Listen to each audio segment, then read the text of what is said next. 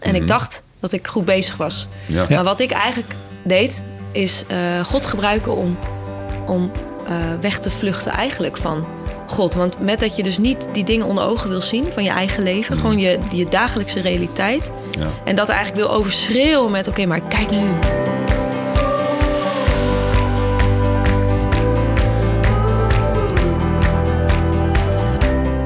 Leuk dat je luistert naar de podcast van Begrijpend Leven, waarin we met elkaar nadenken over de vragen van jongvolwassenen rondom geloof, de kerk en de Bijbel. En vandaag gaan we het met elkaar hebben over lijden en een leven in aanbidding. Kan dat eigenlijk wel? En ik ga dat vandaag bespreken met mijn twee gasten. Dat is Eline van Dijk en Hans Riphagen.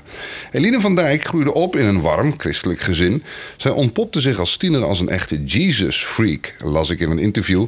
En bleek al heel jong goed te kunnen zingen. Vier jaar geleden maar brak zij door door het lied Jezus Overwinnaar, waar ze co-auteur van was. Of eigenlijk initiatiefnemer, als ik me niet vergis, van Jezus Overwinnaar. En eh, ja, dat is een lied wat natuurlijk in de coronatijd eh, booming werd in eh, Nederland. Betekende jouw doorbraak als gospelzangeres. En dan denk je, een gospelzangeres, wat is dat misschien? En ik dacht, ja, dat zijn die mensen die, voor wie het lijntje met God altijd heel vanzelfsprekend lijkt te zijn. Of dat zo is, dat gaan we vandaag wel ontdekken. Na het album Terug naar Eden volgde vorig jaar een nieuw album. Het album Levenswoorden. Waar volgens mij toch wel wat andere tonen en accenten in doorklinken. Wat is daar nou eigenlijk gebeurd? Dat gaan we vandaag van jou horen. Aan tafel zit ook Hans Riphagen. Hans groeide ook op in zo'n warm, liefdevol christelijk gezin... en kwam als tiener in aanraking met de evangelische aanbiddingscultuur. Zijn passie voor Jezus en muziek leidde uiteindelijk tot een studie theologie... waar hij zijn masteronderzoek ging doen naar de drijvende krachten en overtuigingen... achter veel van de populaire christelijke worshipmuziek. Het leidde bij hem tot een grote liefde voor liturgie, dus de manier waarop wij samenkomsten en diensten vormgeven. Inmiddels is hij rector van het Baptistenseminarium en geeft hij het vak spirituele liturgische vorming, waar hij voornamelijk evangelische studenten laat nadenken over de liturgie van het leven. Maar wat is dat nou precies? Mijn naam is Marijn Vlasboom, ik ben coördinator van Begrijpend Leven. Ik ben volganger in Ede en docent aan het Baptistenseminarium en dus ook een collega van Hans. Hey, we gaan deze uitzending beginnen met een nieuw onderdeel. Ehm, ik heb hem eh, bedacht, de niet zo vaag vraag. Dus eh, ik ga een aantal stellingen voorleggen en dan moet je even kiezen. En op één van die drie mag je daarna toelichting geven. Zullen we dat eens doen? Nou, Kijken hoe dat, eh, hoe dat gaat. Oké, je moet kiezen. Worshipconcert of stilte Eline? Ehm, nou, ik zou eh, inmiddels dan stilte zeggen nu. Stilte oké. Hans? Ja, ik ook. Jij ook. Eh, conferentie of kerkdienst? Hans? Kerkdienst? Eline? Oh, deze vind ik wel lastig. Ik eh, kies conferentie. Kies conferentie. Ben jij een open boek of ben je wat gereserveerd? Dat is nogal belangrijk voor deze podcast. Eline? Eh, ik zou kiezen eh, voor gereserveerder nu. Gereserveerd? Ja. Oké. Hans? Ja, ik misschien ook wel. Ook wel. Gereserveerd. Gereserveerd. Oké. Nou, dan maken jullie eh, het mij moeilijk vandaag. hey, eh, je mag er één, één toelichten. Eline, welke wil jij toelichten? Nou, die laatste vind ik wel leuk om toe te lichten. Eh, Sowieso zeg ik ook twee keer, hoor ik mezelf zeggen nu. Ja, ik Eh, voel me op, ja. Omdat het, ehm, eh, nou, een aantal jaar geleden wa- waren mijn antwoorden denk ik anders geweest. En eh, bijvoorbeeld worshipconcert.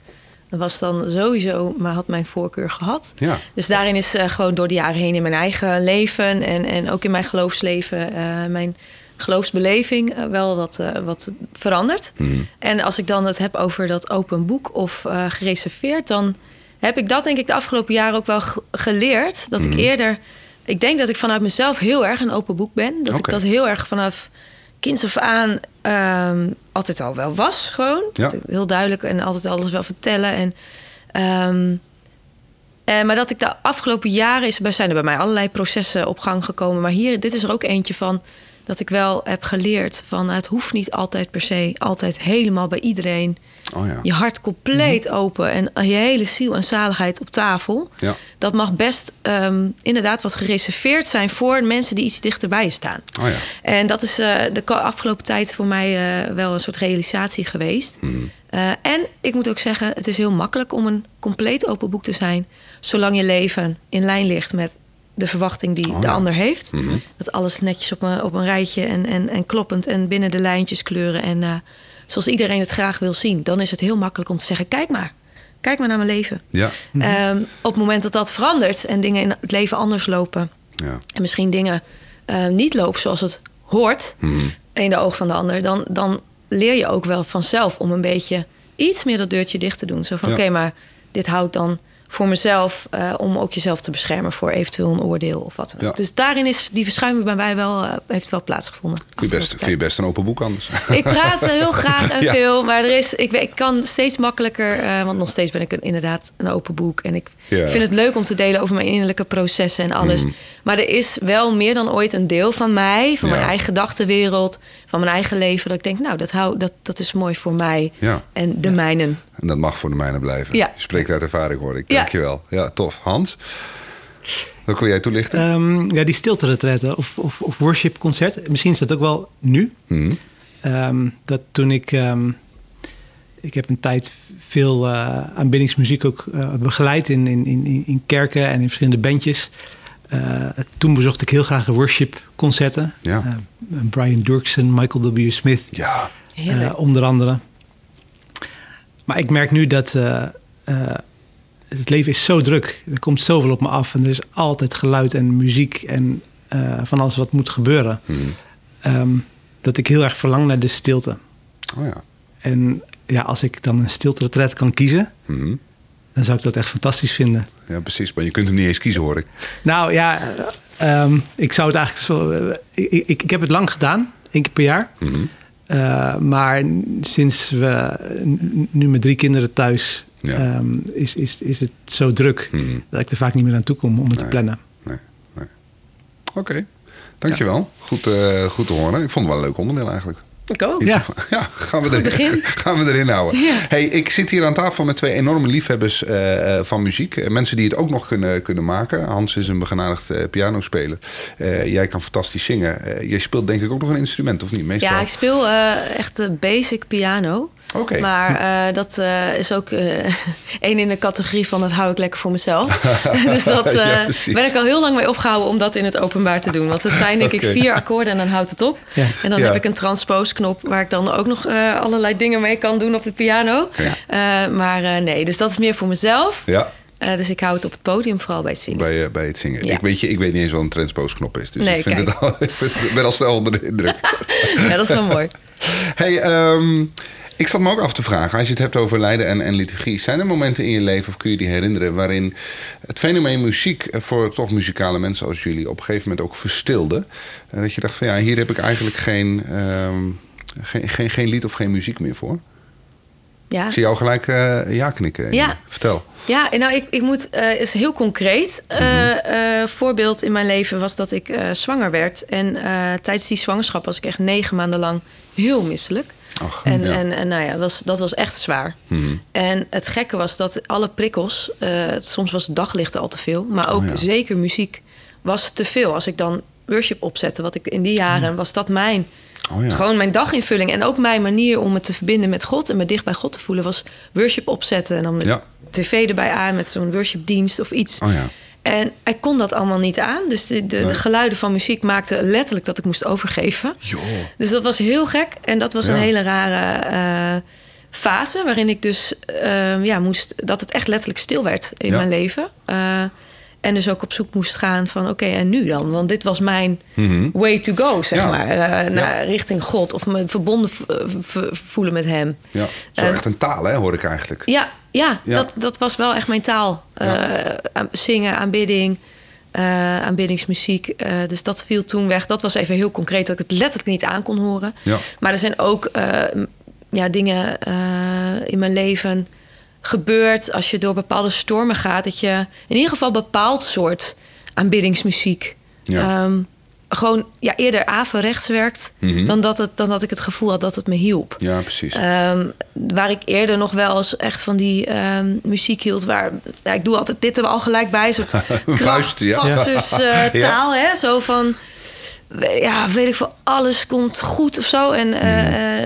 mi- miracles are breaking out all around us.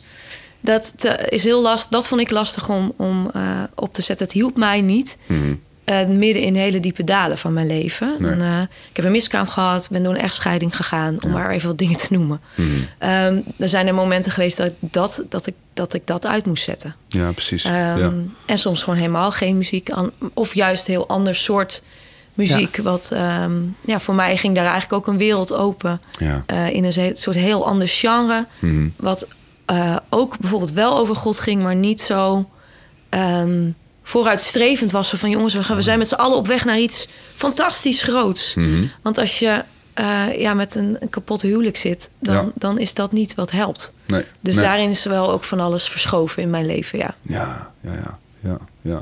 Het klinkt eigenlijk wel als, als heel logisch. Ik denk ook heel herkenbaar voor eh, veel mensen die opgegroeid zijn in de, in de worship eh, scene misschien, in de wat meer evangelische liedcultuur. Hans, hoe is dat voor jou? Ja, ik zat dus ook op een gegeven moment heel... ehm, was dat ook al mijn leven, Mhm. de band en eh, de jongerendiensten. En ehm, ik denk dat het voor mij een belangrijk moment wel is geweest... eh, dat ik met die masterthesis bezig ben geweest. Ja. En ik heb toen de, de teksten van de 50 op dat moment meest gezongen aanbiddingsliederen Ja. eh, bekeken. Over welke jaren hebben we het dan ongeveer? Ja, dat is Ongeveer. nu denk ik twaalf jaar geleden. Oh ja, dan zit je inderdaad bij Brian Dukes en eh Ja, Chris dus- Tomlin, dus- denk ik. En, eh, Ja, en je had eh, de- de- toen de, de, de Michael W. Smith cd's van Ja. Forever en eh, Eh, Forever, Forever Again. Again, ja. Nee, Worship en of Worship, Again. Dat was het. Ja. Eh, dus daar ben ik echt mee groot geworden. En dat kon ik ook allemaal helemaal uit mijn hoofd precies naspelen zoals Michael W. Smith dat deed. Ehm, maar ik ging ook door, toch door een fase, denk ik, van daar, daar voor mezelf kritisch over nadenken. Hmm. En ik merkte dat ik eh, bepaalde dingen niet meer kon rijmen. Nee.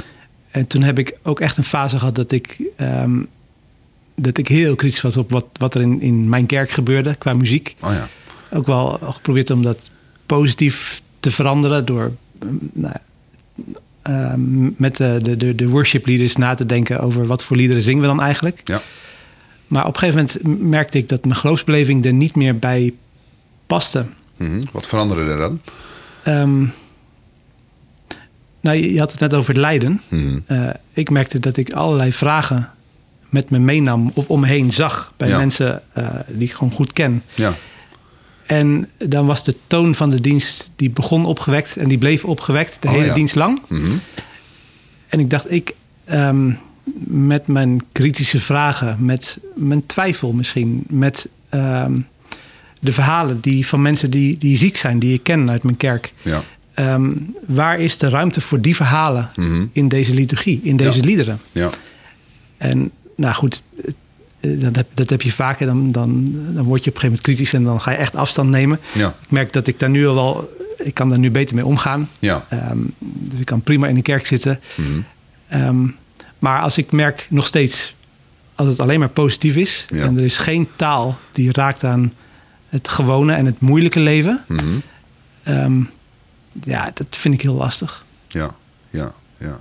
Jullie zeggen eigenlijk allebei eh, iets van dezelfde strekking, hè? Om zo ja. maar even. ja, eh, herkenbaar inderdaad, Ja, wat hij zegt ook. ik, ik kan me dat. eh, je zegt een iets andere bewoording vanuit de andere ervaringen natuurlijk. Maar dat is natuurlijk iets wat we ook sterk. eh, deze podcast richt zich op eh, jongvolwassenen, op millennials, zeg maar. We zitten volgens mij met drie millennials aan, aan tafel. Ja.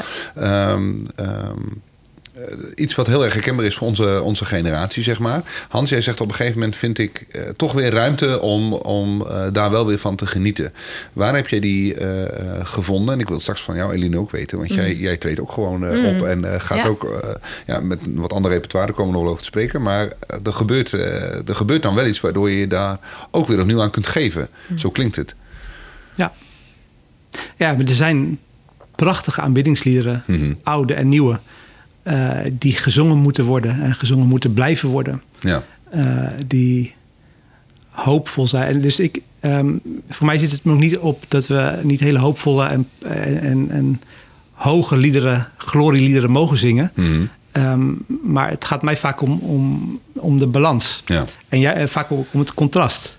Dat ik denk van ja, je kunt eigenlijk pas over de, de bevrijding, de genade en de vergeving zingen. als je ook de andere kant van de schuld en de, de, de, de ellende. ehm klinkt klink bijna, eh, bij- bij- bijna reformatorisch, hè? Eh, Ja. Maar dat, je, dat, dat die kant ook woorden krijgt. ja. Dus Ja. ik zoek toch daarin naar contrast. Mhm. Omdat ik denk dat, eh, dat pas met zo'n contrast eh, ook de hoge liederen, de, de hoge toon, ehm, eh, zeggingskracht krijgt. ja. Dus dat is wel mooi. Ik heb het ook met, met studenten eh, wel eens over. Want het meest gezongen lied is natuurlijk Jezus Overwinnaar. Een, een tijd lang in... in eh, ehm, en tegelijkertijd... ehm, in het artikel wat ik daar op een gegeven moment over geschreven heb... ik ook, ja, heel veel liederen gaan dus over Jezus als koning, ho- hoge liederen over Jezus. Ehm, en als we dan een heel blok hebben waar, of een hele eh, eerste helft van de dienst waar dat het, he- dat het enige thema is, Mhm. eh, ja, dan haak ik af. Ja. En dan kan ik zo'n lied op een gegeven moment ook niet meer meezingen, omdat ik gewoon. eh, ik draag de gemeenschap daarin toch met me mee. Misschien is dat een, beroepje, ja. een stukje beroepsdeformatie. Mhm. Maar ik ken heel veel verhalen en ik, ik, ik kijk ook om me heen of ik mensen zie meezingen of zie afhaken. Ja. Ehm, terwijl eh, op het moment dat je bijvoorbeeld eerst gewoon een krachtig gebed van voorbeden hebt, waarin Ja. je echt verwoordt wat, wat er speelt in de gemeente en speelt in de wereld, en je zingt daarna zo'n lied, Mhm. Ehm, dan krijgt zo'n lied ook een hele andere zeggingskracht. Ja. Ja. Dus in het grotere verhaal Mhm. eh, ben ik op zoek naar, naar balans, naar contrast. ja. Ehm, en dan maakt het me ook makkelijker om bepaalde liederen mee te zingen. Ja, precies. Dus je, je draagt de gemeenschap eh, eh, met je mee. Je hebt behoefte aan een contrast, een balans, maar ook Ja. wel eh, een liedcultuur waarin de hele wereld in, in beeld is. Kun je Ja. een lied noemen waarvan je denkt van dat vind ik nou een lied waar die wereld mee in beeld komt? Misschien recent of misschien wat langer, wat langer geleden. Waar je denkt, ah, het is echt goed om, om, om zo'n lied eens te, eens te zingen. Ja. Ja, we pas hebben die, ehm, eh, die spiritual, he's got the whole wo- world in his hands. Oh ja, ja. Aan het eind van een dienst gezongen. Mhm. En dat was het goede moment, of het, het goede lied voor dat moment, zeg maar, Oh om, ja. om mee de dienst uit te gaan. Ja, Maar ik ben daar vaak heel bewust mee bezig van wat, welk lied moet er nou gezongen worden? ja, Welk lied zit qua toon, qua feel, qua, qua inhoud? Ehm, wat past die nou? ja. na een bepaalde boodschap. Ik, ik ben dus ook meer. eh, ik, ik speel niet meer zo vaak, vaak piano in kerken. Het is meer dat ik nu preek en, en stukken van diensten leid. ja. Dus daarmee verandert je rol. Mhm. Ehm, maar ja, een krachtig lied is vaak krachtiger dan een preek. Een goede preek. ja. Frustrerend soms ook wel eens hè, voor onze mensen. ja, ja, dus, dus ik, ik denk van zorg dan dat beide gewoon goed zijn. Dat de preek goed is, maar dat ook het lied wat na de preek komt... of het lied wat je aan het eind zingt, Mhm. dat dat klopt met elkaar. Ja, ja. Oké, mooi, eh, mooi te horen. Ik zit te denken, ik, ik herken wel wat, wat jullie zeggen, ook als het gaat om die, die, die liedcultuur. Ik heb ook zo'n fase eh, gekend en nog wel eens, waarvan ik denk van, oh, dat is even een fase waarin je bepaalde liederen niet meer meemaakt. Wat mij vaak enorm helpt, is inderdaad die gemeenschap die eh, aan de ene kant soms dus kan belemmeren om een lied te zingen, ook wel degene is die uitnodigt om een lied te zingen. We hebben in onze kerk eh, jaren terug wel eens van die open zangdiensten gehad, waarin dan eh, iemand naar voren kon komen, een microfoon stond midden in de zaal. Ik wil dat lied zingen eh, met die en die, om die en die reden. En ik, ik heb een keer meegemaakt dat iemand een, een lied noemde, ik zal het niet noemen, maar ik dacht, ja, maar theologisch gezien klopt er echt geen hout van. Dat mo- kunnen we eigenlijk niet zingen met elkaar. En toen vertelde hij eh, waarom eh, dit een, heel belangrijk en mooi lied voor hem was. Dus iemand die net zijn vrouw was verloren. En die stond er vervolgens met opgeheven handen voor mij de Heer te aanbidden. Ik dacht, ik kan niet anders daarmee zingen. En ik wilde ook niks liever dan dat. Dus Ja. dat, dat, dat, is, dat is het ook, hè? Ja. Die, die, die kant. Hoe is dat voor jou, eh Eline, die, die, die, die vraag? Van hoe, hoe hou je die dingen eh, bij elkaar? Ja. Ehm, ja, voor mij is het ook inderdaad, want het is eh, op een gegeven moment steeds meer dat je dat je dat het gaat schuren van binnen. Hè? Dat, Mhm. Ik was ook wel echt in, in, in diensten waarbij eh, echt evangelisch, charismatische diensten, Oh ja. eh, waarbij de nadruk ehm, echt wel vaak ligt, vond ik, op dat we iets moesten bereiken met elkaar. Hè? Dat we Ja. Oh ja. ergens voor, ergens naar boven toe klimmen tot, tot we er dan, dat we de doorbraak hebben. Mhm. Ja, op we wat zingen voor onszelf manier dat- omhoog eigenlijk. Ja. ja. En ja. Het gekke is dat het bij mij, voor mij is het heel dubbel. Alleen ik heb voor mezelf geleerd dat dat soms gewoon oké is. Dat een deel van Ja. mij eh, eh, haakt daarop af. En Oh, denkt ja. van waarom moet er altijd van alles? Waarom moet het groter en nog weer meer? En nou deze dienst of deze conferentie, nou dan gaat God echt doorbreken. Daar gaat het, dan, ja. nu gaat het gebeuren. Mhm. Dat je daar moe van wordt. eh, Ja. Dat je altijd maar eigenlijk op je teentjes loopt naar iets uit te strekken. Wat, wat, ja, wat je graag wil. Dat er nog iets anders moet Mhm. dan je situatie nu. Ja. En eh, dat is ook in heel veel liederen wat, eh, wat ik dan, wat mij, wat, waar ik moeite mee kreeg. Ja. Hè, van het bouwt, het moet opbouwen naar iets. Ja. Van nou, want dan gebeurt het allemaal. Maar aan de andere kant heb ik ook een deel van mij dat daar ook nog eens wel in gelooft. Dat ja, Ja. en zelf heb ik het ook eh, ondervonden in mijn leven. Dat op momenten dat eh, ik heel erg twijfel in mijn geloof. Die fase heb ik eh, best wel lang gehad. Ja. Ehm, dat het heel erg wel helpt om, eh, En eh, zo kan werken dat je, je eigenlijk jezelf daaruit kan zingen. Ja, door bepaalde eh, waarheden gewoon te zeggen eh, en te zingen voor mezelf. Ja, maar dit is toch, dit is toch wat ik geloofde. Dit is het. Dat dat wel helpt, zeg maar. Dus Mhm. Ja. voor mij is het, is, het, is het heel erg dubbel. En dat is Ehm, ook, ook wel de kracht van, van aanbiddingsmuziek, Ja. volgens mij. Ja. Ik denk het ook. In simpele taal, eh, Ja. hoopvolle, eh, hoopvolle liederen zingen, Mhm. bevestigende liederen. Ja. Liederen die je helpen om te richten op God. Ja. En dan zing ik het soms, zong ik het bijna in de hoop van dat het waar was. Ja, Zo van, ja. ik zing Ja. dit en dan kwam Zing het echt en- vanuit mijn tenen. Mhm. Van ja, maar dit, ik hoop toch zo dat dit het wel is. En je zingt met elkaar. Ook zeker. Dat benadruk ik ook steeds in mijn concerten de afgelopen jaren. Eh, heb ik eigenlijk altijd een momentje waarbij ik zeg van... Dan zing ik bijvoorbeeld een lied, dus eigen geschreven... het lied Alles Nieuw of het lied Jezus Overwinnaar. Ehm, dan noem ik dat ook. Van misschien zit je hier en denk je van... Ik, kan, ik krijg het niet over mijn lip op dit moment van mijn leven. Ehm, dan vind ik het dus belangrijk dat daar gewoon de erkenning voor komt. Van soms sta je op een punt van je leven dat je het niet Ja. je strot uitkrijgt. Ja. Maar dat je dan broers en zussen om je heen hebt die het wel kunnen zingen. En laten hun het dan Ja. Maar voor jou zingen of zo. Dat dat ook heel veel steun kan geven. Ja. Ehm, dus dat, dat is ook eh, iets super moois. Dat, dat, dat we eigenlijk aan elkaar gegeven zijn. Iedereen staat op een ander punt in zijn geloofsleven. Ja. De een staat diep in het dal, de ander is daar net uit. Die staat boven op een bergtop. En ja, dat, dat, dat met elkaar zingen vanuit al die verschillende verhalen daar kan ik me echt aan optrekken ook inderdaad. Dus daarom vind ik ook zo dat samenkomen zo mooi. Ehm, dus dat is eigenlijk een beetje hoe ik er nu mee omga. Dat als Ja. ik wel in, in, in een moment van aanbidding ben... of in een, in een dienst, conferentie... ehm, dat ik ehm, eh, geleerd heb om, om met, met, mijn, met, mij, met mijn hele hart te komen. Dus inclusief Oh ja. dat stuk van... wat er eigenlijk niks, niet meer zoveel mee kan soms... Hè, Mhm. met bepaalde liederen of bepaalde houding in een dienst dat ik dat ook maar gewoon meebreng in, in mijn eh, aanbidding eigenlijk. Eh. Dus ook de Ja, vragen en de pijn. Want je, je, je had het over twee, twee kanten. Ja. De ene Ja. kant, die, die kant die, die zeg maar, je, je- jezelf eh, naar God toe dwingt door, Ja. door te zingen. Het jezelf ertoe zetten door dat te zingen. Ja. Maar die andere kant, wat is dat dan? Ehm, de- eigenlijk de verslagenheid gewoon erkennen. Oh ja. Ja. Zo van ja, ik mag het ook gewoon even. Het is ook gewoon goed zoals het nu is. Ik hoef niet eh, nog weer ergens naartoe te Ja. rennen. Ja. Of iets te grijpen, deze, of specifiek dit moment, deze dienst.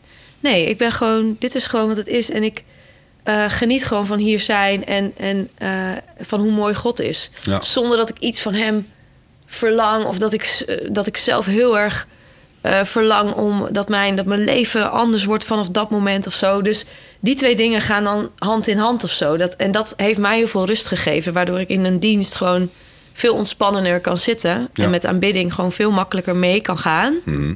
Omdat ik denk, nou, hier is ook mijn verslagenheid en mijn eh, verlangen dat het gewoon even gewoon, dat ik er gewoon alleen maar mag zijn. Dat Ja. het niet per se straks allemaal tien keer mooier is na deze dienst of na dit moment. Mhm. Maar ook eh, wel met dat, met dat, ehm, met die honger in mij dat ik denk van ja, en ik wil deze woorden zingen. Als ik dan een lied zing met gewoon simpelweg van waardig is uw naam of zo, hè, dat Ja. dan denk ik, ja, u bent ook, u, u, dat, u bent echt al deze aanbidding waard of zo. Dus Ja. ik sta gewoon zelf met een hele andere, andere houding nu Mhm. te zingen. Je zingt het jezelf eigenlijk in herinnering, hoor ik je zeggen. Ja, vaak wel, ja. Ja. En, en dat helpt eh, ook echt heel erg. Mhm. En ehm, ik eh, ontken, terwijl ik aan het zingen ben, dus niet mijn eigen struggles en mijn verslagenheid. En mijn, dus ik ben voor mijn gevoel veel eerlijker Ja. ook naar God toe. Zo, Mhm. Want ja, hij weet het toch allemaal al lang. Ja. Maar dat is nog wel een stap om zelf ook eerlijk te worden van... Nou ja, ik, ik heb eigenlijk... Ik, het hoeft van mij niet. Er hoeft niet grote doorbraak, dit, dat. Ik wil gewoon hier zijn bij Ja. u en met deze mensen. ja. Ja, Het klinkt wel een beetje ehm, alsof er eh, in basis in ehm, de aanbiddingscultuur zoals je hem in aanvang omschreef, ook wel een soort van eh, permanente ontevredenheid heerst over de staat van het leven, de staat van je relatie met, met, met, met God. Eh, en ook een stuk, stuk maakbaarheid daarin. Van nou, wij zullen dat wel even fixen binnen nu en anderhalf uur of zolang als, als dat Ja. zo de kost duurt. ja. Zeg maar. Ehm, om het even evangelisch te zeggen, ik kreeg een beeld. Ja. van, van toch eh, iemand op een karretje die een worteltje voor een paard houdt, zeg maar. Ja. Eh, dat, is dan, eh, dat kan dan de aanbiddingscultuur zijn. Ja. En dat paard maar lopen, lopen, lopen. Naar iets wat je uiteindelijk nooit echt zult bereiken, zeg maar. Ik, ik ben wel benieuwd, Eline, want jij bent natuurlijk vaak degene ehm, die eh, voorop staat in zo'n aanbiddingsconcert, zeg maar. Ja. Jij bent vaak het gezicht, hè? Jij bent Ja. de naam die aangekondigd wordt op posters, met welke organisatie of, of club waar je ook bent. We hebben een dienst met Eline, Mhm. eh, van, van Eline Music. Eh, hoe is dat voor jou om eh, daar nu ook... Je gaat er op een andere manier mee om. Vind het heel indrukwekkend om te zeggen van... je durft er ook jezelf in te zijn. Maar hoe werkt dat als jij een keer gewoon geen zin hebt in een aanbiddingsconcert? Dat zou je ook wel eens gebeuren. Ik heb, dat zou ik ook maar gelijk zeggen, mensen... ik heb ook wel eens geen zin in een preek. ja. en dat zou jou ook wel eens overkomen, Zeker. Hans. Eh, maar Ja. maar hoe, hoe werkt dat in zo'n cultuur? Ik weet daar gewoon te weinig, eh, te weinig van. Ja. Ehm, hoe werkt dat? Ja, ja het is een best wel een lastig, eh, lastig iets geweest voor mij ook. Echt ook eh, ehm, wel een, hele periode gewoon moeite mee gehad.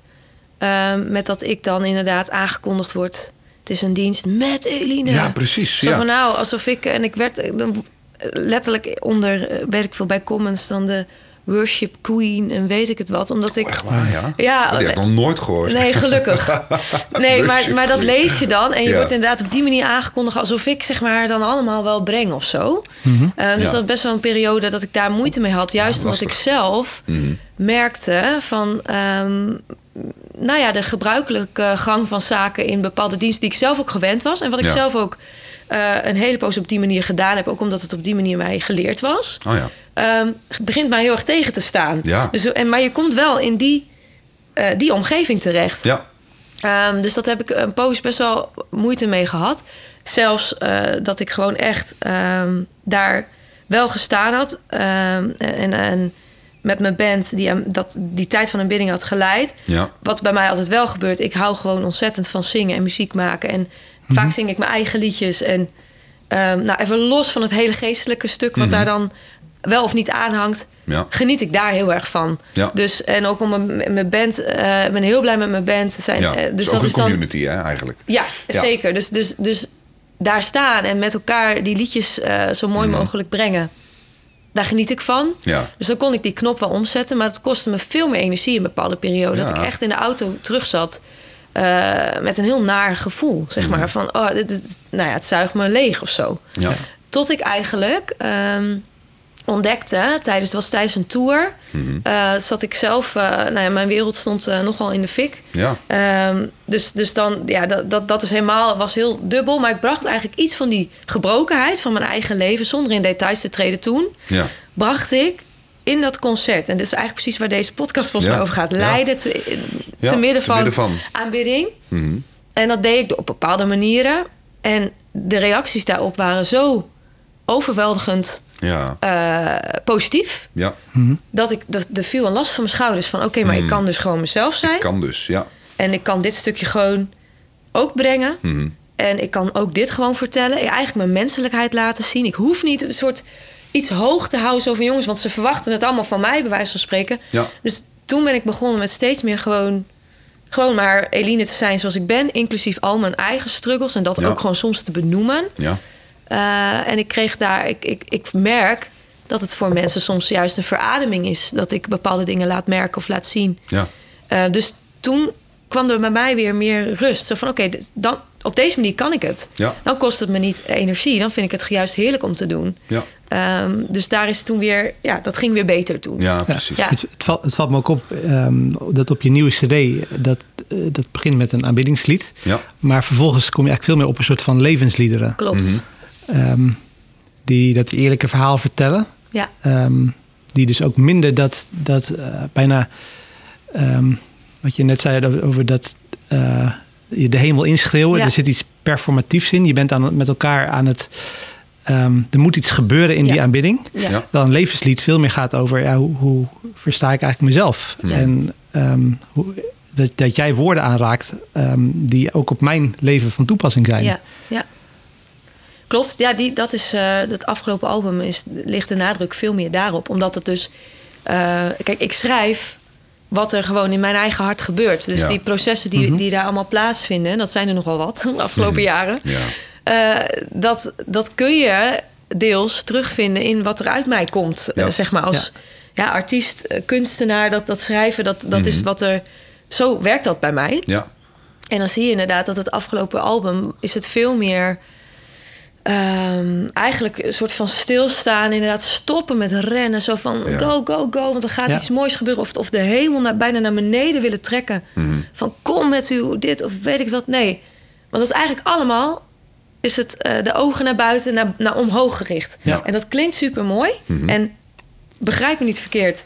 Ik sta daarachter. We moeten als christenen onze ogen omhoog gericht houden, want Mhm. we verwachten alles van Hem. Maar we zijn ook mens. Dus wij, wij zijn, in ons mens zijn hebben we eh, ziel, geest, lichaam. Dat is allemaal belangrijk. Ja. Niet alleen het geestelijke stuk, dat onze geestelijke ogen telkens maar naar boven richten, naar de dingen van God. Ja. Eh, dat is dus het verraderlijke voor mij geweest, want het klinkt zo mooi. En als je het zo zou noemen in een preek of in een lied, dan staan de christenen allemaal te Om te applaudisseren. Van, ja. oh, wat Ja. mooi. Precies, Terwijl, als, als je dat alleen maar doet... dus je kijkt alleen maar in je leven naar God... en de dingen van het koninkrijk... en, en je let niet op wat er in je eigen hart gaande is... Voor, aan processen of wat daarvoor verborgen pijn nog allemaal is... dan verlies je uiteindelijk de verbinding met jezelf. Want je raakt gewoon het kwijt wie je eigenlijk zelf echt bent. Ja. En daardoor ook de verbinding... eigenlijk de echte verbinding met God heb ik ontdekt. Ja, precies. Er zit ook een bepaald godsbeeld achter. Van een God die vooral in het bijzondere en in de grote wonderen en tekenen te vinden Ja. is. Ehm, en waar je dan maar bij moet komen. Terwijl eh, het alledaagse leven waar dat allemaal niet is. Ja. Waar God misschien heel ver weg lijkt. Ja. eh, of waar je worstelt, dat God daar dan niet is. En Ja. dat, dat vind ik wel een, ehm, ook theologisch gezien wel een, eh, een behoorlijke valkuil waar de evangelische beweging regelmatig in trapt. Dat er weinig aandacht is voor, voor het gewone leven. Ehm, en voor alle sores die we daarin meemaken. En misschien, wel, misschien daarin juist wel voor het mens zijn. ja. Want mens zijn is vaak ook aanmodderen. Dus ja. Ja, pijn en moeite, dat, dat hoort bij het mens zijn inderdaad. Ja. En ik denk dat we daar... eh, Kijk ik naar ben Jezus. Daar, ja, nou Ja. ja. precies. En zoveel voorbeelden in, vanuit de Bijbel ook. En ik denk, ik ben daar veel aan voorbij gegaan. En ik dacht dat ik goed bezig was. Ja. Ja. Maar wat ik eigenlijk deed, is eh, God gebruiken om, om eh, weg te vluchten eigenlijk van God. Want met dat je dus niet die dingen onder ogen wil zien van je eigen leven. Gewoon je, je dagelijkse realiteit. Ja. En dat eigenlijk wil overschreeuwen met... oké, maar kijk naar u. Ja. Ik, ik ging letterlijk... Ik was super eenzaam in mijn tiende jaren. Oh. Ehm, eh, toen zelf nooit dus daar echt de vinger op durven leggen. Nee. Want ik was dus inderdaad die Jesus freak, wat jij Ja. net zegt. Dus wat ik deed... Ik heb letterlijk momenten gehad dat ik, dat ik zat te huilen op mijn kamertje... van de eenzaamheid op een za- vrije zaterdag. En dat ik dacht, ik print eh, de vaders liefdesbrief uit. Oh ja. 50 keer. En ik ga Steenwijk in en ik ga evangeliseren. En dan voelde ik me weer beter. Hmm. En toen, en, en het was zelfs zo dat ik daar vervolgens dan een stukje over schreef in ons kerkblad. En Oh ja. iedereen stond weer te applaudisseren. Van, oh, wat goed. Ja. En Ja. nu kijk ik terug en denk ik eigenlijk tegen mezelf... oh meisje, Het is ook wel heel verdrietig. ja, Ja. je- eigenlijk had je gewoon... eh, je had het in de ogen moeten aankijken, maar dat wist ik toen niet. Dus ik heb ook heel veel compassie voor mezelf. Ja. Maar nu weet ik het wel van ja, maar dat is wat we eigenlijk in het grote mensenchristelijke leven ook nog steeds veel doen. Mhm. Ja. Van dit is ons, onze echte realiteit. Dit is, dit is de ware ik. Dit zijn Ja. onze echte struggles. Maar wat we doen is tegen elkaar zeggen: kijk omhoog. Eigenlijk zo van: kijk er dus maar niet naar. Nee, precies. Maar daarmee verliezen we eigenlijk onszelf. En ik denk dus ook de verbinding uiteindelijk met God. Want wat zo mooi is, wat jij ook zegt, is dat ik denk dat God juist inderdaad niet alleen maar te vinden is in die hoge momenten. En of, of alleen maar daarboven, ver weg. Als je Bijbel leest, bidt of in een dienst zit. Ja. Maar ook als je eh, je broodje aan het smeren bent. Precies. En als je dus Ja. huilt van de eenzaamheid. Mhm. Het is juist zo'n mooi iets, heel groot wonder, heb ik ontdekt, om God te ontmoeten in die pijn. En eh, met dat ik zeg, dit zeg, denk ik, ja, maar mensen die nu in de diepste pijn van hun leven zitten, die denken echt, ja, mooi, leuk gezegd. Mhm. Maar zelfs die, dat cynisme, wat heb ik ook gehad namelijk, Ja. Ja. Ja. dat, ook, dat dat er ook mag zijn. Dus dat het belangrijk Ja, is dat precies. we ook daarna gaan kijken. Ja, en ook zonder oplossing meteen, hè? Ja, Dus ik vind dat, dat is echt waar ik wel voor pleit, ook, ook ja, bij mijn studenten. Dat, ehm, dat we veel meer die rauwe kanten opzoeken Ja. zonder het meteen op te lossen. En, ja. Eh, dus dat te erkennen. De, ook ook de, gewoon de geloofstwijfel. Ik zie veel mensen die, die eh, met twijfel zitten en die het gevoel hebben van dit mag er niet zijn in de kerk. Eh, een, eenzaamheid. Ja. Eh, het, het, het zoeken naar hoe ga ik om met, met, met ziekte. Hoe ga ik om met eh, de, de, de ruzie met, met mijn baas op het werk. Eh, al dat soort alledaagse worstelingen. Ehm, en het er laten zijn zonder dat je dat daar weer zalvende woorden overheen moeten. Ehm, en God is er ook wel. En God is daar ook in. Eh, maar misschien biedt God niet meteen de oplossing. Misschien is, moet, je, moet je daar zelf doorheen als mens. Ja. Ja. En is God daar wel? Dus die, bedoel, die hoop mag er altijd zijn. Ja. Ehm, maar die hoop moet niet plat, slaan. Die moet niet soort van eh, weer gaan ontkennen. Nee, dat, Dat het, het- er- dat waar- het er dat is. het er is. Want dat Ja. is wat, we veel, wat ik ook veel gedaan heb, is inderdaad eh, of eh, uitstrekken naar een wonder en een doorbraak. Dus Oh ja. waardoor je ook niet waardoor je eigenlijk voorbij gaat aan Ja. de, het- de gevoelens die, het los, die dingen losmaken in je leven. Waar, hoeveel pijn je eigenlijk ergens van hebt. Ja. Of dus uitzien naar de hemel, wanneer alles helemaal weg is. Ja. En dat dat jouw enige hoop wordt. Mhm. Maar ook daarmee kun je ook eh, geestelijk volledig voorbij gaan Ja. aan wat er daadwerkelijk aan de hand is. Terwijl ik dus zo nu geloof van ja, Mhm. het is allebei waar. Hè? We, we, ik geloof nog steeds Ja. in wonderen Ja. tekenen. En ik geloof dat straks dat, we, dat de wereld perfect is. Mhm. Maar we hebben ook te maken met een nu nog niet. Ja. En dat ook God daar al in die pijn Mhm. te vinden is. En niet alleen maar straks in de hemel of straks als het wonder komt. Ja. Maar dat we leren om dus stil te staan. Alleen het is heel moeilijk. Want het betekent dat je het in de ogen aan moet kijken. En, en ik heb dat heel lang niet gekund. Nee. Eh, want dat is een heel pijnlijk werkje. Om, om je eigen pijn en de dingen waar je last van hebt... eigenlijk gewoon te identificeren allereerst. En vervolgens ook te erkennen van... Ja. oké, maar dit is dus eigenlijk mijn, mijn status. Nou, die, Ja. die, die, dat is niet zo, niet zo mooi of niet zo... Nee. Het is een beetje rommelig en messy. En dat willen we het liefst niet onder Nee. ogen komen. Dus het is een moeilijk proces, maar ik denk wel heel belangrijk. Omdat we God dan eh, op een nieuwe manier... en ik ervaar dat als een meest, ja, weer veel echtere manier leren kennen of zo. Ja. Je kunt het Ja. dus blijkbaar lange tijd wegzingen.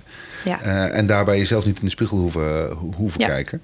Eh, en dan kun je dus ook allerlei belangrijke theologische noties, eh, of bijbelse noties, denk ik, over het hoofd zien. Want ik, ik, ik luister naar jullie en ik denk ook van ja, maar als je denkt aan de liturgie en zowel het Oude als ook het Nieuwe Testament, is daar juist ontzettend veel ruimte Voor voor, klagen. voor klagen, voor Ja. de gebrokenheid. Niet alleen de klaagliederen, de psalmen staan er bol van. Prediker die weet er ook het een en ander stevig over te schrijven. Maar eigenlijk alle grote godsmannen en vrouwen in de, in, in de Bijbel overkomt dat. Eh, eh, tot Paulus eh, en Jezus zelf natuurlijk eh, ook. Het is een boek wat bol staat van het lijden, om het zo maar eh, Ja. te zeggen. Maar er staat ook, eh eh verblijft u in de Heer. Ik zeg Ja. het nog eens, verblijft u altijd in de Heer. Ja. Dus er zijn ook bepaalde bijbelteksten, als je die gewoon uit zou pakken... Ja. Ja. gewoon één los tekstje zonder context... zonder Mhm. ook de rest van de Bijbel, zeg maar, daarbij omheen te denken... Eh, dat zijn teksten waardoor je je schuldig voelt als je verdrietig bent. Want Ja. als je verdrietig bent, dan heb je dus niet genoeg Doe je het verkeerd. geloof. Of dan Ja. sta je niet dicht genoeg bij God. Ja. Want als je, als je Jezus dichtbij je hebt, dan zou dan hij is je trooster. Dus Ja. waar, of, of als je dus inderdaad boos bent, dan Ja. durf- je, je durft het haast niet toe te laten en te erkennen. Want ja, verblijft u altijd in de Heer. Ja. Hè? Ja. Ehm, dus dat, dat, dat is ook heel lastig, omdat het.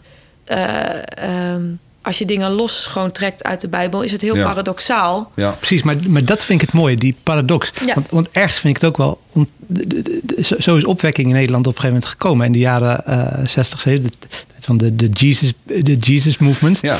En de simpele koortjes. Mhm. eh, blije muziek. En dat je dus ook... ehm, waar, waar de, de kerkmuziek misschien toch wel wat, wat traditioneler was... Mhm. ehm, van die blije liedjes kunt zingen. Ja. Die ehm, gaan over dat je mag verblijden. En dat Ja. dat ergens een snaar raakt. En denk van ja, maar dat is er ook. Maar wat er vervolgens gebeurt is dat, dat dat volgens mij zo dominant is geworden. Eh, opwekking was ook altijd bedoeld als een aanvulling op de liedbundel. Ja. En op een gegeven moment is het eh, dominant geworden. En de hele theologie van opwekking is do- ook dominant geworden. Mhm. Eh, waardoor je die paradox eigenlijk van het leven en het contrast wat daarin zit, die, Ja. die, die mis je nu. Ehm, dus, dus nu hangen we denk ik heel erg aan de, aan de andere kant. Van we hebben meer liederen nodig die, Mhm. en, en meer tekst en meer taal nodig om dat lijden. Eh, maar we willen ook niet terug naar een kerk waar het alleen maar gaat over het aardse tranendal. Nee. nee. Nou, wat je net noemde, vond ik een heel mooi eh, eigenlijk voorbeeld. Dat ik denk, ja, dus zo zou het mooi zijn. Want ik vraag me namelijk af, eh, of, het, de, of de oplossing per se is... er moeten meer eh lijdensliederen op, in opwekking komen te staan. Eh, hoewel ik trouwens ook vind dat er al best wel eh, aan gedacht wordt... en dat er echt steeds Ja. meer liederen tussen staan Zeker. die het lijden benoemen. Mhm. Wel Ja. voor mij de, de side note daarbij lijden benoemen met plus de oplossing gelijk. Meteen, hè? Hè? Dus het is van, ja, maar God, eh, God dit, is, en dit is heel moeilijk allemaal. Bijvoorbeeld Mhm. couplet 1. Ja. Oh, het is allemaal zo moeilijk, maar dan is het refrein. Maar u maakt een En weg. dan komt de bridge en dan... ja, precies. En dus dat, dat zou alsnog... eh, dat is alsnog oplossingsgericht. ja. En dat is niet altijd... Dat is niet altijd helend, sterker nog soms denk ik ongezond voor ons als mens. Ja. Maar los daarvan vraag ik me af, is dat de oplossing? Dat wij dus in ons eh half uurtje wat we hebben voor aanbidding in de diensten... Ja, nu denken, oh ja, dit is belangrijk. Nou, doen we doen er een nummer bij eh, wat gaat over eh, hoe moeilijk het is... of een soort over inderdaad lijden, schuld, weet ik het, dat soort dingen. ja. Ik vraag het me af of het doel van die aanbiddingstijd met elkaar niet gewoon is God aanbidden. Mhm. Maar dat het bijvoorbeeld heel mooi opgelost zou kunnen worden door wat jij net zegt. Dat we in de voorbeden of op andere momenten in de dienst Mhm. daar wel ruimschoots ruimte Ja. voor geven. Dat we het benoemen, dat het er Ja. is. Ja. Eh, want, want ik vraag me dat altijd af. Ik heb dit soort gesprekken vaker gevoerd. Van ja, dus eh, allemaal eh, happy clappy liedjes in de... Mm. Oh punt 1 denk ik niet dat het tegenwoordig meer zo is. Ik denk dat er al wel heel veel liederen zijn die gewoon heel eerlijke dingen benoemen. Ja. Ehm, en ik vraag me dus af, ja, is dat dan de oplossing? Dat je in dat half uurtje ook even één... Mhm. eh, ehm, ja, een soort excuus eh, eh, lijdenslied Ja, zet. precies. Zo van, nou jongens, die hebben we gecoverd. ja. Eh, of is die aanbiddingstijd gewoon bedoeld met om met elkaar, met al onze levensverhalen, God te verhogen? Waarna we ook in de dienst wel degelijk ruimte laten voor pijn die misschien wel nooit slijt. Hè? Dus, dus Mhm. pijn zonder te zeggen van, maar God is nog steeds goed. Ja, precies. Het is opgelost. Ja, dus ik weet dat niet. Nee. Maar ik vraag me dat Nee. af. Omdat ik denk, ja... ehm, ik weet niet of je dan alsnog de plank mislaat... door eh, dan telkens wel zo'n soort lied erin te Ja. plaatsen. Ja, jij zegt eigenlijk, je hoeft het niet Nee. misschien per se allemaal te coveren in, in het In dat stuk aanbieding. eh, Ja. zeg maar. Hoe kijk jij daarnaar, eh, Hans? Want dit Ja. is het vakgebied waar jij les in geeft. Ja, nee, ik, ik, ik ben het daar z- zeker ten dele mee eens. Ehm, en, en je moet ook geen excuus moeilijk lied Nee. erin, want dan Nee. voelt iedereen aan van, is- oh ja, Oh, daar is d- die. dus ze moest iets proberen. Ja, ja. Nee, het- maar maar ehm, wat ik ook wel heb gezien is dat met, met hele, ehm, dus zeg maar in de eh, jaren 80, 90 gaan alle kerken, zeg maar, of heel veel evangelische kerken gaan eh aanbiddingsliederen zingen en dan komen aanbiddingsblokken. Mhm. Iets, daarvoor hadden we eigenlijk veel meer een soort van hymn, eh, Ja. hymn sandwich. Van een, een, een lied en dan een, eh, een gebed, een lied. Dus dat, eh, dat die tijd van worship zo centraal is komen te staan, is, is vrij recent. Mhm. Ehm, en op zich vind ik, er zit een hele mooie kant aan. Wat je wel vaak ziet is dat bijvoorbeeld de voorbeden eh, uit de dienst is verdwenen. Oh ja. Dus je krijgt dan een aanbiddingsblok en de preek. Dat zijn de twee centrale elementen. Ja. Eh, en dat de andere elementen, ehm, ook bijvoorbeeld de schriftlezing, Ja. eh, dat dat we- wegbezuinigd wordt. Of dat dat. eh, en ik, ik pleit ervoor dat we iets creatiever naar die. die Evert van der Pol in een mooi boek, Samen in de naam van Jezus, die noemt dat de kameel met de twee, twee bulten. Bulten, hè? Ja. Ehm, dat we iets creatiever naar die vorm gaan kijken. Mhm. En ehm, dat, waarom bijvoorbeeld niet ook een keertje in een aanbiddingsblok dat je een, een, een psalm leest. Of dat je een psalm samen, samen leest. Eh, of dat je eh, een moment van gebed hebt. Of de schriftlezing.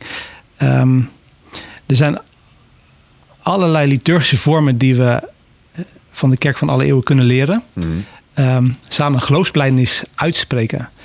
Ehm, die ik denk ehm, ook zo'n aanbiddingsblok ehm, kunnen verrijken. Ja. Ja. Dus daar ben ik heel erg naar op zoek. Ja, Eh, mooi. ik, ik wil niet per se dat aanbiddingsblok, dat we echt eventjes, nou, dat er wat meer aandacht mag zijn en Mhm. meer ruimte om ons op God te focussen. Want dat, dat doet zo'n aanbiddingsblok natuurlijk heel sterk. Mhm. Ja. Eh, er is ruimte. Het is niet even een liedje en na, het, eh, na het, het outro gaan we allemaal weer zitten. Mhm. Er is echt even eh, aandacht. Ja. Ja. Ja. Ja. mooi. Maar, Maar dat kun je, is- kun je ergens in die aandacht ook weer andere thema's aanreiken? En, ehm, dus het kan ook op andere plekken. Maar wat ik. En, en, en er zijn, daar ben ik ook met je eens, er zijn heel veel prachtige nieuwe liederen. Mhm. Maar waar het misgaat is volgens mij de macht van de gewoonte. We hebben Oh ja. een soort van format van de dienst met een aanbiddingsblok. Het moet even worden ingevuld. Dat doet dan de aanbiddingsleider. De, Ja. prediker doet, of de, de spreker doet dan de preek en het lied na de preek. Ja. Ehm, de, de aanbiddingsleider kiest vaak de liederen die op dat moment populair zijn. Het is best heel moeilijk als je gewoon aanbiddingsleider bent. eh, je bent er niet als professional. eh, dus je hebt niet heel veel tijd om daar je echt in te verdiepen. Ja, om dan ook maar iets te doen wat, wat ingewikkeld is. Een, een psalm of een... een, een ehm, daar, daar, daar moet je ook wel je in verdiept hebben. Mhm. Ehm, dus wat doe je dan? Dan ga je gewoon doen wat, wat anderen doen. Ja. Je kiest de liederen die je altijd al kiest... of die waarvan je weet die zijn gangbaar. Eh, en juist in die vorm en in de, eigenlijk de manier waarop we dat altijd met elkaar zo doen... Mhm. zie ik heel weinig ruimte voor vernieuwing. Dat, het gebeurt gewoon niet. Nee. Nee. Nee. Dus, dus laten we vaker om de tafel gaan om samen een dienst voor te bereiden. Met Mhm. Ja. een, een aanbiddingsleider, met een spreker. En sommige mensen heb je ook liturgen die daarover nadenken. Ja. Doe dat met een groepje van drie, vier. Mhm. En denk na van welke thema's en welke liederen zijn voor nu nodig. Ja. Ja, waar ik nog wel nieuwsgierig naar ben, eh, eh, ben Eline, is... ehm, jij hebt natuurlijk in de loop der jaren een trouwe schare eh, ja, volgelingen, denk ik, op, opgebouwd... Die jou, die jou volgen, Ja. die jou ook kennen. Jij maakt die beweging eh, door. Mhm. Eh, ik denk dat eh, Hans en ik en heel veel van onze leeftijdsgenoten... die beweging ook wel herkennen uit, Mhm. het, uit het eigen leven. Maar je achterban moet het allemaal maar net meekrijgen, Ja, zeg maar. Hoe is er klopt. op jouw eh, eh, lied ehm, eh, Levenswoorden, hè, jouw Ja. album... eh, levenswoorden gereageerd. Waar toch veel meer die broosheid en die breekbaarheid van het leven in doorklinken. Ja, klopt. Ja, dat, eh, dat was voor mij ook heel spannend. Om Ja. die, eh, het voelde ook wel echt als een afslag. Maar Mhm. ik wist Ja. ook na een korte twijfelperiode van ja, maar ik moet dit doen. Ik, eh, de voor de hand liggende route is door wat, met wat ik nu doe. Mhm. Want dit werkt als een trein. Gaat Ja. goed, succesvol, alles.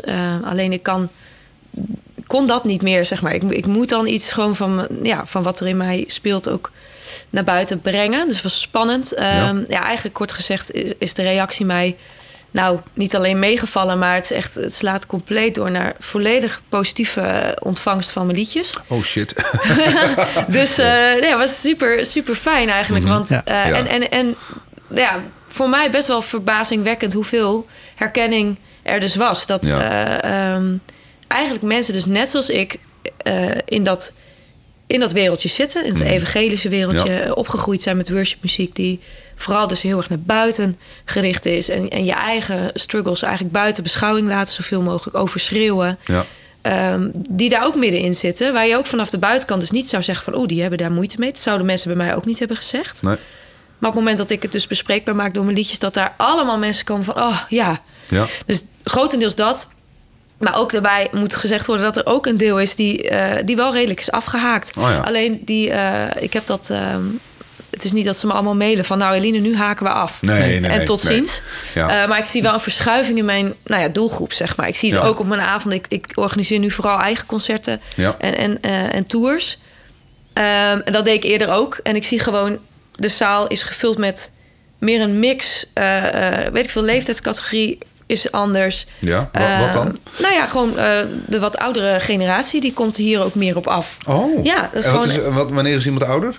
Eh, 50 plus, nou ja, kijk. Ja. eh, nee, grapje. nee, eh, ja, eh, wat is dat inderdaad? Vij- 40, 50 en, en, en ja. hoger. Ja. Terwijl ik eerder met mijn muziek meer de 20, 30 zat, denk ik. Mhm. En nog steeds wel. Dus het, het mooie is, wat ik mooi vind om te zien, is dat mensen, dat er een grote groep ook juist meegaat op mijn reis. En daarin heel veel herkenning vindt. En, en nou ja, super mooi om allemaal die reacties te horen. Ja. Een deel is afgehaakt, daar heb ik natuurlijk geen cijfers van. Alleen Nee. dat, dat, het kan ook haast niet anders. En Nee. ik heb wel een paar berichtjes ontvangen die, nou ja, die bepaalde boodschap van mijn liedjes niet snappen. En dan Nee. eh, daarin, daarin nog wat eh, ook aan me teruggegeven hebben. Dat ik, dat ik merk van ja, dit. Die, ja, die gaan niet mee, die afslag op. Nee. En dat is prima. Ja. Eh, en dus een hele nieuwe doelgroep. eh, Ja. ja. waarbij het eh, ook ja, de hele insteek om naar mijn concert te komen meer is van nou, we gaan luisteren en we laten ons raken. Mhm. Eh, we lachen, we, we pinken een traantje weg. Ja. En eh, wat ik heel mooi vind om te horen is dat na, na zo'n concert van mij, eh, dat mensen dus zich gezien voelen, ook in hun pijn en moeite door God. Ja. Nou, super mooi. Maar dat is een hele andere insteek dan we gaan naar Eline's concert en we gaan eh, de hemel. eh, Daar gaat komt een geestelijke openbreken doorbraak. En, Ja, eh, en we gaan met z'n allen de storm, de, de storm betronen. Nee, de troon bestormen. Ja. Eh, Ja. Wat super toffe avonden zijn. En het is niet dat ik daar nooit meer heen wil. Alleen Nee. ik, ik heb nu wel een andere aanpak. En gelukkig zie ik dat de mensen daar aardig in mee kunnen komen. Ja. Ja, maar het ja. was wel spannend. Ja, dat kan Ja. ik me voorstellen. Ja. Tof, eh, tof, te, eh, tof, tof, te, tof te zien. Ja, ja, ja. En ook dat dat inderdaad dus in die leeftijdscategorieën dan, dan, wat, eh, dan wat opschuift. Ik kan me ook voorstellen dat veel jongvolwassenen en die, die millennial leeftijd eh, vaak wat meer van het lijden van het leven gaan eh, ontdekken. Ja. Eh, zoals denk ik iedereen aan deze, aan deze tafel. Ja. Eh, dat het daarmee ook juist interessanter wordt, eh, zeg maar. Ja. Maar goed, dat is wel eh, ja, fascinerend en blij te horen dat eh, ja, ook je nieuwe liederen dus eh, een nieuwe, nieuwe doelgroep weten te bereiken. Eh, misschien leuk om te noemen, ik zag eh, Groot Nieuwsradio, die heeft een eigen alternatief op de top 2000. Hè? Klopt. Zij hebben de top 1008, is Ja, dat hem? ja, klopt. En eh, jouw eh, lied, Je mag ook verliezen. Eh, die ehm, staat op nummer drie, hè, geloof Ja, ik. dit vanuit jaar. het niks. Het was een nieuw lied, dus eh, ineens Ja. eh, zomaar op drie. Ja, dat is wel echt. eh, dat was wel. Dat vond ik dus voor me, is, was voor mij heel hartverwarmend. Omdat kan ik me voorstellen. vooral bij Ja. dat lied. Hè, je mag ook verliezen. je hoeft niet altijd maar sterk te zijn. Ehm, ben ik genoeg? Ook als ik nooit meer een succesverhaal zou Mhm. zijn. Hè, dat zijn zinnen die dus eh, de pijn benoemen zonder Ja. goede uitkomst. En we hebben een, allemaal een leven waarin er situaties zijn. Waarbij dat de realiteit is. Van Ja. Mhm. oké, Ja. maar deze uitkomst is niet goed. En dit wordt geen succesverhaal. Ja. Ja. Eh, dus dat lied benoemt dat allemaal en zegt dus van... eh, je mag ook verliezen, hier is een plek voor dwalers en falers. Nou, Ja. eh, grote contrast met Jezus overwinnaar kun je haast niet bedenken. Nee, Terwijl precies. ik dus inderdaad geloof wat jij zegt... het mag mooi samen Zing ze maar naast het elkaar. mooie. Ja. Alleen was wel heel spannend en dat dat juist dat lied nu zo aanslaat... en dan op nummer drie belandt. Wat betekent dat heel veel mensen er echt op hebben gestemd. Zo van, ja, Mm. dit is mijn lied voor dit jaar. Ja. Ja. Dat is natuurlijk super veelzeggend. En misschien ook wel een signaal vanuit de Ja. kerk. Eh, eh, maar in ieder geval voor mij heel hartverwarmend. Ja. Ik denk dat het heel eh, herkenbaar is, denk ik, voor heel veel mensen. En mooi dat je ze bij elkaar weten te brengen. Dus als mensen nu naar een concert van jou gaan, dan kunnen ze dat soort liederen verwachten. In de bandbreedte van Jezus overwinnaar tot je mag ook verliezen. Ja, dat klopt. Ja. Ja. En je gaat op tour. Yes. Eh, ik geloof dat je in maart weer gaat eh, beginnen. Ik Klopt. begreep dat bijna alles uitverkocht was. Kunnen mensen nog kaartjes krijgen? Ja, voor deze tour ja. Want de vorige was, eh, was heel snel uitverkocht. Ja. Komende tour Zwolle toevallig hoorde ik gisteren of eergisteren ook uitverkocht. Dus het gaat wel lekker weer. Ja, heel goed. Maar er zijn nog zeker kaarten. Dus zeven concerten. En waar kunnen mensen die kaarten bemachtigen? Eventsforchrist.nl Eventsforchrist.nl. Ja, en dan even zoeken op Eline. En dan kom je wel bij de Levenswoorden Tour. Mooi, oké. Yes. Gaan we, nou, die gaan we ook even in de show notes eh, zetten. Eh laatste onderdeel van deze uitzending is een vraag die jullie aan elkaar mogen stellen. Ja. Wat eh, wil jij Eline aan Hans vragen? Oh ja. Het was handig geweest dat ik hier van tevoren iets meer over, over had nagedacht. Eh, mag Hans ook eerst? Ja hoor, Dan kan ik Hans even mag eerst. nadenken. Ja, zeker. Tuurlijk. Ja. Ja, nou, ik, ik, ik zit wel wat, te- wat te puzzelen ehm, op wat je vertelt over... Je had eerst, schreef je vooral de aanbiddingsliederen. Toen kwamen de, de levensliederen. Ehm, die kan ik heel goed volgen. Dat zijn liederen die over het leven gaan. Ehm, zou je ook nog iets kunnen met... eh, want ik denk dat we daar ook behoefte aan hebben... is een soort van levensliederen in de vorm van een gebed. Mhm. Dus meer de, de moeilijke psalmen. Hmm. De, de wraakpsalmen, de klaagpsalmen. Ja. Oh ja. Ehm, kunnen we daar nog liederen in van je verwachten? Ja, Eh, ik denk het wel. Want dat is wel als ik dan. eh, want er zijn inderdaad twee soorten liedjes. Hè. Je kan een liedje schrijven wat niet per se een gebed is, inderdaad. Dus dan is het, eh, dan is het meer een soort beschrijving Ja. van een situatie of iets dergelijks. Of dus ja, echt gericht en dat ik echt God aanspreek in zo'n lied. Dus ehm, dan wordt het inderdaad meer een gebed. En dat soort liederen, dat, dat ontstaat nu wel inderdaad. Dat zijn al de soort liederen die ik, eh, die ik nu maak. Beide wel. Ja. En zoals op mijn album staat het liedje Dan Nog. Ik denk dat dat een beetje in de richting is van wat jij nu zegt. Eh, wat dus ehm, nou ja, de- moeilijke situaties beschrijft. Als het leven heel hard is en, en dat, eh, eh, wat het soms gewoon is. Ja. Maar dan nog bent u God en dan nog Ja. eh, eh, houdt u mijn wereld in uw hand. En ik kijk op naar u. Dus dat zijn wel meer ja, gebeds... dit, dit zijn meer die, die klaagpsalmen, hè? Ja, dat Ja. is eh, bij die echt... moderne vertalingen daarvan. Denk, dat heb ik wel geprobeerd. Ik heb ook heel bewust in dat lied niet een bridge gekozen met En dus hef ik mijn handen op. En ik Oh, prijs goed. u mijn leven lang. Terwijl heerlijk. Ik bedoel, door en door goed schreef ik ook. Die doet dat wel. En die zing ik elk weekend met heel veel plezier. Ja. En vanuit mijn hart. Maar bij dit lied wilde ik dus niet een oplossing. Niet een soort van: oké, dit is allemaal heel moeilijk, moeilijk, moeilijk. En u bent God. En nu doe ik ook nog eens iets. Want soms hebben we een fase in ons leven waarin we dat gewoon even niet kunnen. En dan kunnen we alleen maar zeggen: U bent nog steeds mijn God. En ik Ja. kijk op naar u. Het is allemaal één grote ellende. Ja. Maar u heeft wel mijn wereld in uw, in uw handen. Nou, dus dat is wel een soort gebed inderdaad. En dat soort liederen. Ik denk wel dat je dat nog meer van mij kunt verwachten. Geen idee wat voor nieuwe album, een project of zo. Want daar ben ik nog niet mee bezig. maar Nee, snap ik. ik vind dat wel heel mooi om Ja. op die manier te doen. Ja, Tof. zie eruit. Alright. Klinkt goed. Heb je inmiddels een vraag? Ja, je moest toch ja. nog beantwoorden. Maar heb je nog een vraag voor Hans? Ja, Eh, ik heb tussendoor ook nog nagedacht. Ik ben heel goed in eh, multitasken, ja. Eh, nou, ik vraag me af, want je beschrijft eigenlijk ook wel in jouw leven een soort verschuiving in hoe je eerder, eh, ehm, nou, helemaal in het worship wereldje, in het e- e- evangelische wereldje, je je prima thuis voelde naar dat je daar dus soms gewoon echt niks mee kan, wat ik heel erg herken, hè, van, ehm, eh, nou ja, wat je net beschreef, dat je dan bij, op sommige momenten afhaakt.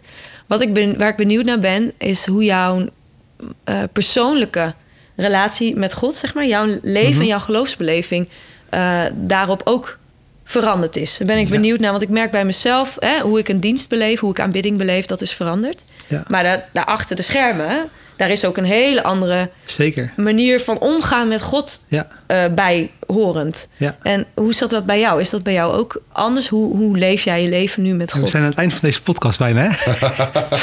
Nou, als je me in twee minuten kan beantwoorden. Nee hoor, nee, nee. Ja, dat is ook een heel verhaal. Hoe, ehm, ik denk dat, dat ehm, eh, God veel groter is geworden. Ehm, dat ik soms toch de neiging had om eh, mezelf heel belangrijk te maken. En dat wat, wat, God, wat, wat er in die ontmoeting tussen mij en God gebeurde, eh, daar ging het om, bij wijze van spreken. En daar is veel meer ruimte in gekomen. God is, is ehm, naast iemand die ik mag kennen, die ik vader mag noemen, ook de God van het heelal, die ongrijpbaar, on, on- ehm, nou, niet onkenbaar, maar wel mysterieus is, Ja.